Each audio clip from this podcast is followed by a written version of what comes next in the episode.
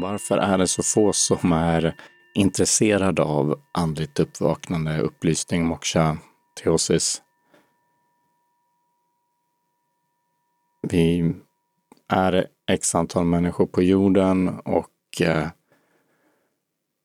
vad det verkar om man läser beskrivningen av dessa mystika upplysningstraditioner så ter det sig ju som att det är någonting väldigt eh, ja, men eftersträvansvärt, någonting som är väl värt att eh, söka.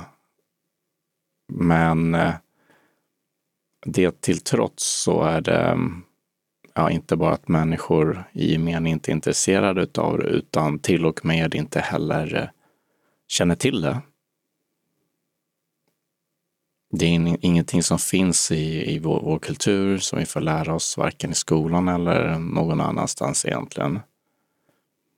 Det är så kallad eh, esoterisk eh, kunskap eller obskyr till och med mystik eh, som sagt.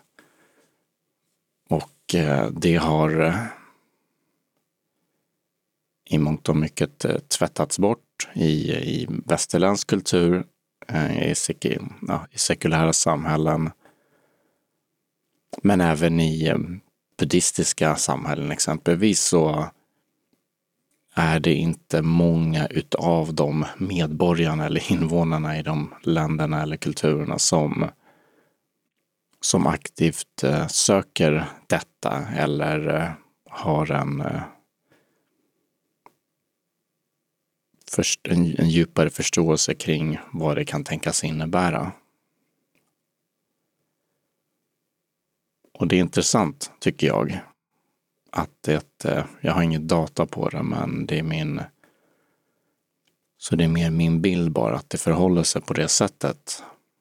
Vi har ju onekligen många människor som är intresserade av religion, och eh, som är intresserad av olika typer av andlighet som eh, Ja, men om man söker på så här, vad, vad man ska kalla lite mer modern typ av andlighet.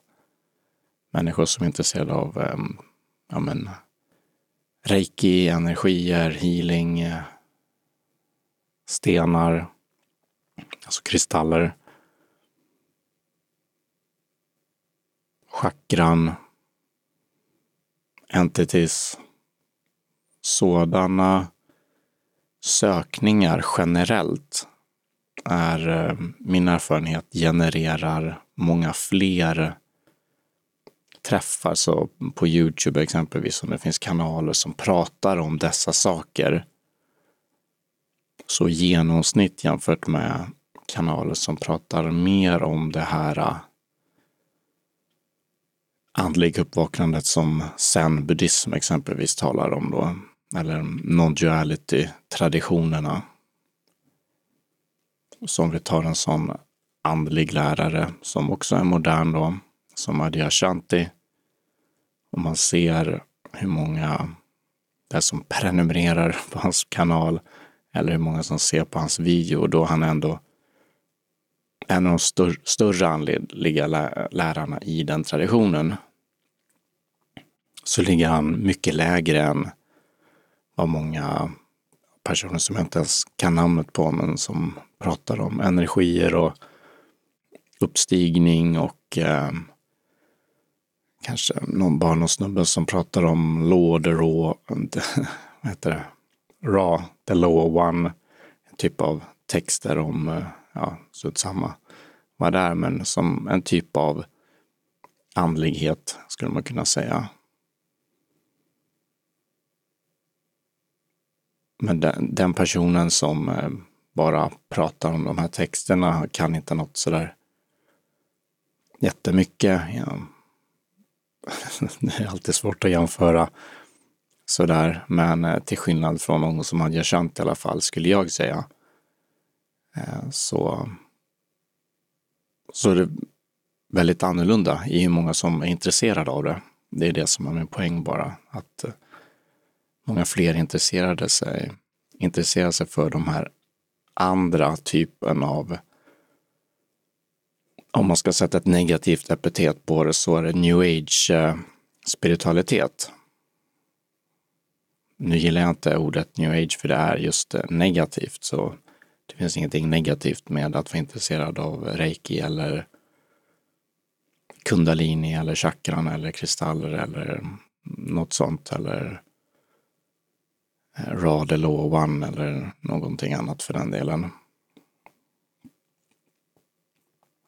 Men det är väl värt, tycker jag, eller det är intressant att det är det som drar till sig människor och inte det här eh, som, ja men som sagt, zen-buddhismen, som eh, non-duality-lärare, Advaita Vedanta, the cloud of unknowing i den kristna mystika traditionen talar om.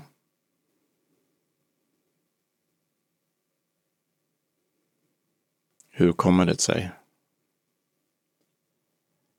Jag gissar att en anledning till det är att energier och chakran och sådant är fortfarande någonting att, eh, så att säga, som vi kan ta i och som likt att eh, köpa en ny bil är någonting som är ganska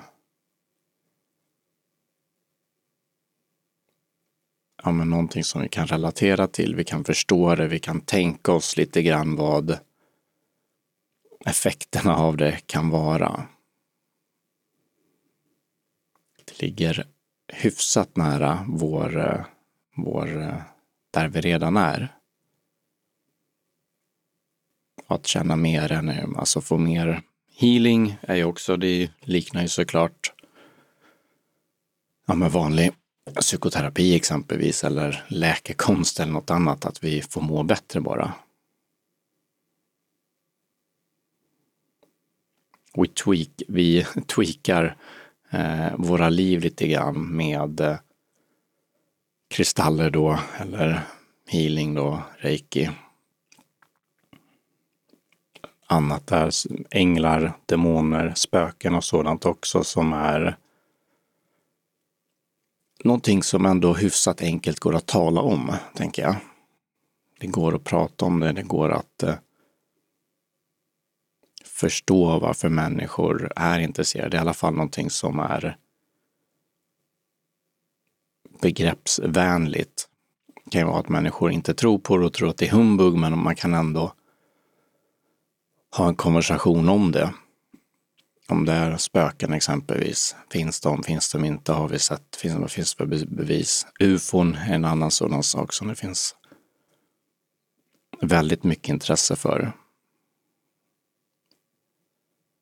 Många människor är intresserade av dess existens och det finns massa dokumentärer och de människor som pratar om det får många träffar då, eller ja, visningar då, som det heter på, på Youtube exempelvis. Mycket mer igen då än människor som pratar om det andliga uppvaknandet. Och det får man väl också definiera här, så uppvaknande finns det också många människor som pratar om. Lite grann åt det eh, andliga hållet också. Så även det är inte helt glasklart vad, glasklart vad man menar med uppvaknande. Många pratar om uppvaknande i termer av att förstå hur världen fungerar.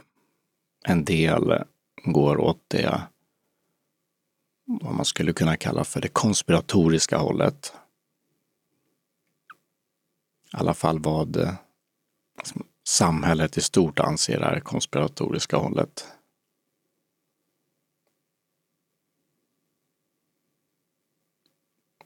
De eh, pratar om att eh, ja, men det kan gå åt det här Illuminati-hållet. Jag har problem med orden idag tydligen. Att det finns nätverk av eller grupperingar i samhället som eh, har väldigt mycket inflytande och som styr världen, påverkar banksystemet och annat. Och de människorna har då onda intentioner Och det är också lite åt det här andliga hållet, för det pratas om frimur, frimurarorder, eh, orders, vad säger man i pluralis? Och de har ju gått tillsammans då i hundratals år och utför olika typer av riter och ritualer och sådant som går åt det då andliga hållet. Illuminati har ju också i en utsträckning att det faktiskt eh, existerar rötter i Vatikanen och katolska kyrkan och ja, på andra ställen i världen också, men där vi ser andliga eller religiösa kopplingar.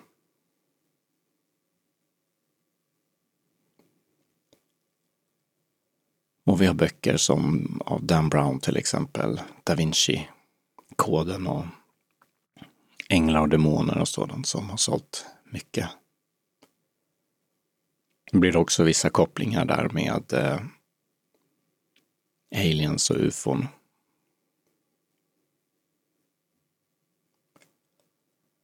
Men den typen av uppvaknande, att inse de här grejerna, om det är frimurarorder som, som bestämmer över världen eller om det är ufon som kontrollerar och så vidare, är inte det som Buddha pratar om. Inte det som de mystika andliga traditionerna pratar om. De pratar om ett annat typ av uppvaknande. Och när vi är inne på det så är ju upplysning i sig också ett begrepp som ju kom på, eh, eller kom också på 1700-talet. The Enlightenment period. Som mer handlar om att eh, modern vetenskap växte fram. Och är såklart inte heller det, utan det har ju igen att göra med sakers beskaffenhet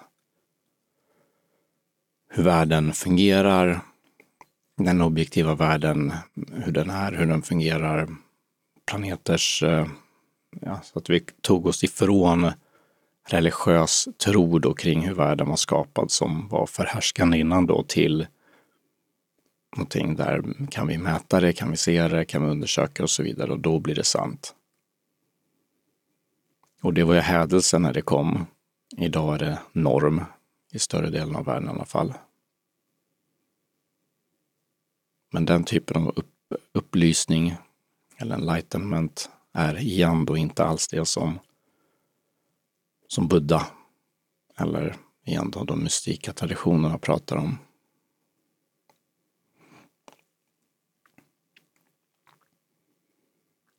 Så det är inte konstigt att det blir begreppsförvirring här kring dessa frågor.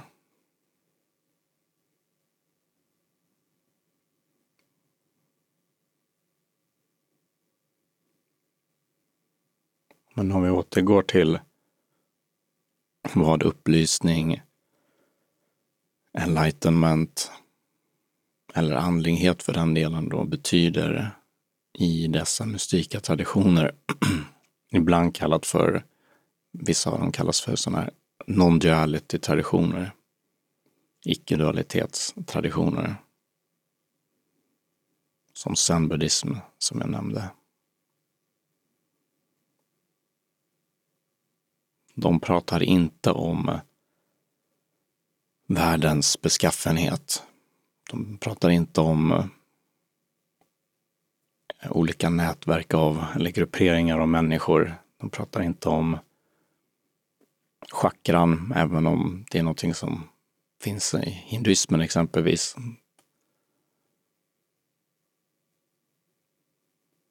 När de pratar om uppvaknande, att inse sin sanna natur eller nirvana då i buddhismen eller fana i sufismen.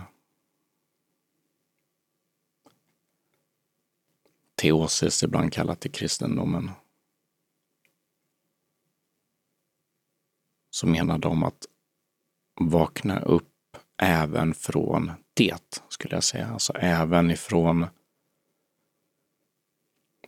idéer om energier, om Illuminati, om ufon, om eh,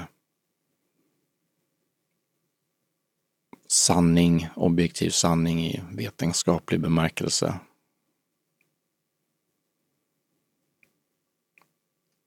Att vakna upp från allt sådant.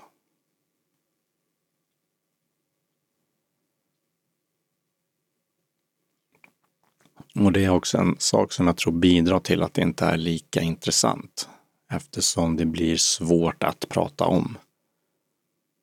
Mm. Något eh, de här traditionerna på olika sätt talar om också. De säger,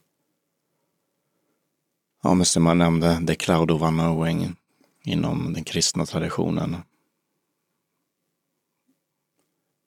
Jag vet inte vad man säger, kallar det på svenska. Icke-vetandets moln tror jag.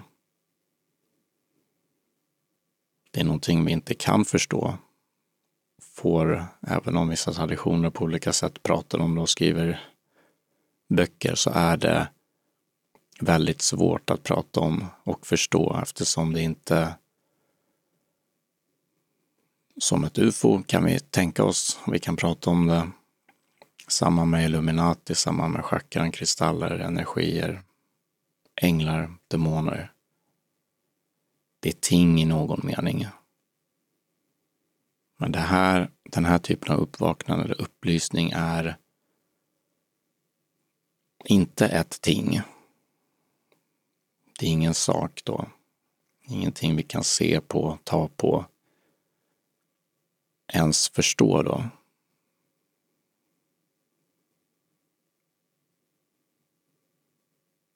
Det är mer ett typ av fundamentalt skifte i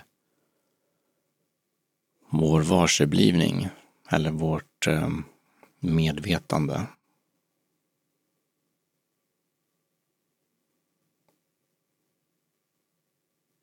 Där vi, ett sätt att förklara det på en går från att vara identif identifierade med en person, ett liv, ett eh, sinne, en kropp, en värld. Till att inte vara det. Så ett skifte i identitet.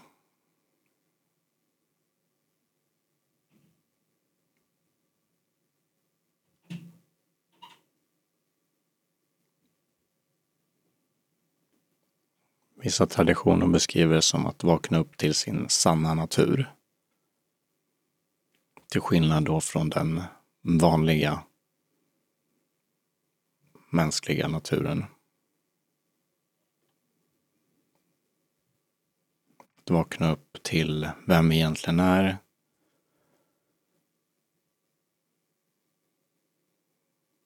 Och se sanningen med stort S då, inte en sanning om världens beskaffenhet, inte en sanning om objektiv verklighet, utan mer en typ av subjektiv verklighet eller om man tar det icke-dualistiska synsättet så någonting som går bortom subjekt och objekt till och med. Och igen, det blir snabbt nonsens när man pratar om det på det här sättet.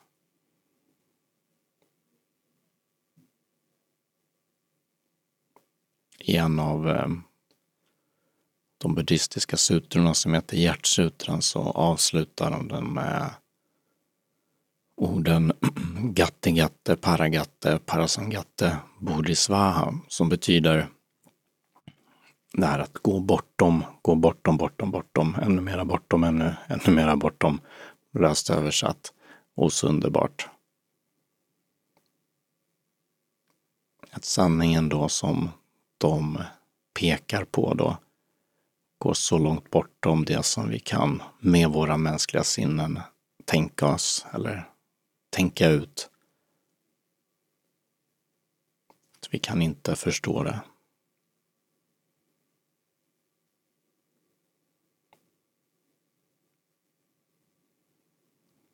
Så det tänker jag är väl troligen en anledning till att eh, många helt enkelt inte är intresserade av det. För det låter som ingenting, vilket det på ett sätt också är. Det är själva existensen som vi lever i. Och som vi är.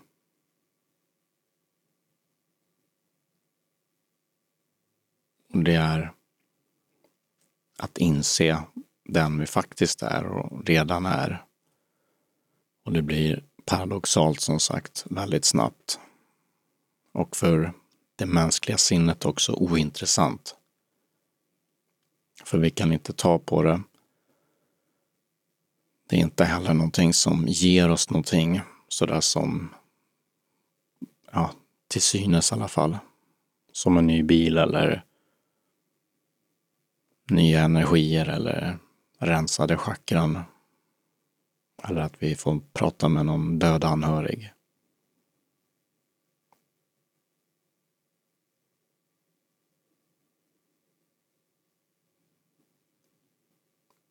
Det ger oss ingenting. Det ger inte egot, som man ibland kallar det, självprocessen då, någonting, utan det är, det är mer ett utsläck, en utsläckning av det, det självsystemet.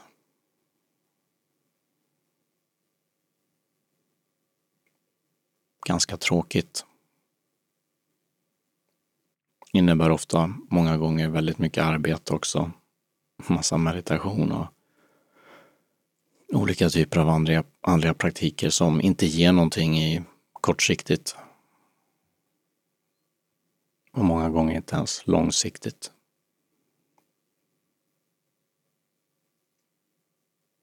Ge något i den bemärkelsen att vi får någonting ordentligt att ta i och vara glada över så att säga.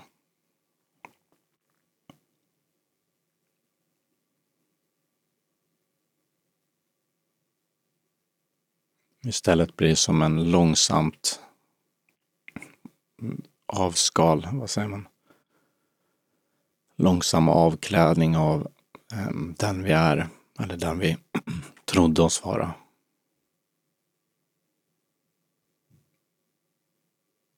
Så får vi stå nakna inför, metaforiskt då, inför världen. Och inse att vi fick ingenting här av allt det här arbetet.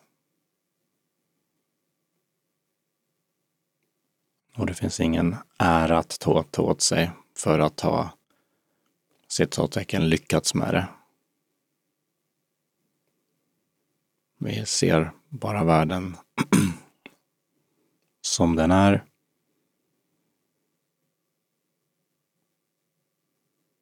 Och allt blir i mångt och mycket helt normalt bara.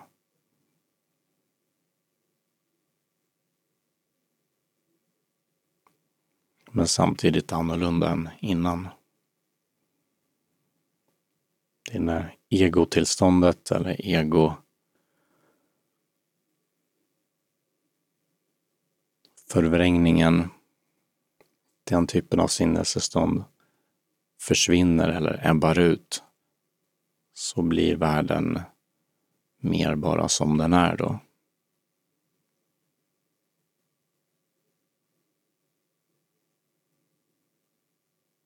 Som att skruva ner ljudet på stereon.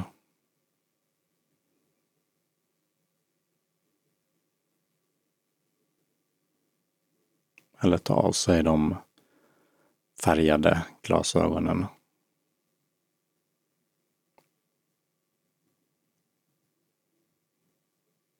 så blir allt bara sig självt.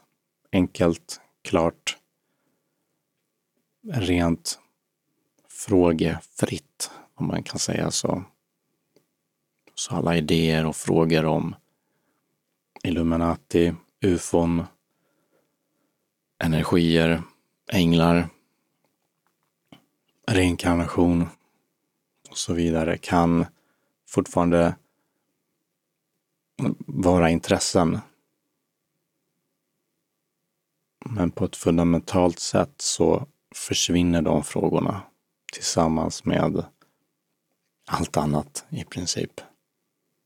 Vid det här andliga uppvaknandet som Buddha eller de mystika traditionerna pratar om.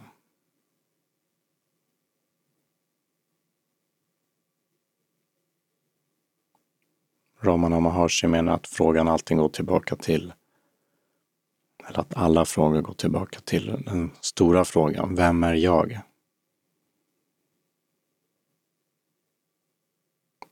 Och när vi får den besvarad på ett eh, djupt intuitivt plan så når vi en typ av inre uppvaknande då.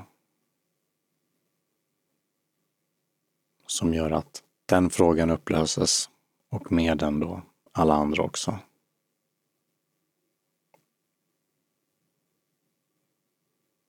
Och igen, det är då inget som kan förstås inte ens av personen som har den faktiska upplevelsen. Det är bara ett eh, slags lugn som infinner sig. Tillit, kärleksfullhet, andlighet.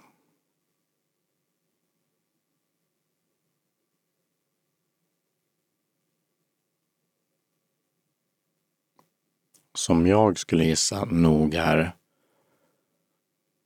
någonting som väldigt många människor skulle uppskatta att uppleva. Men inte naturligt då uppenbarligen dras till.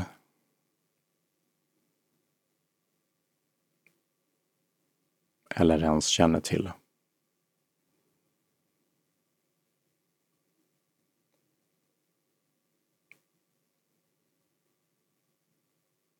Mm, så lite tankar om varför, varför vi är ganska få som är intresserade av detta. Och varför människor tenderar att intressera sig för andra angränsande andliga ting, kanske man skulle kunna säga.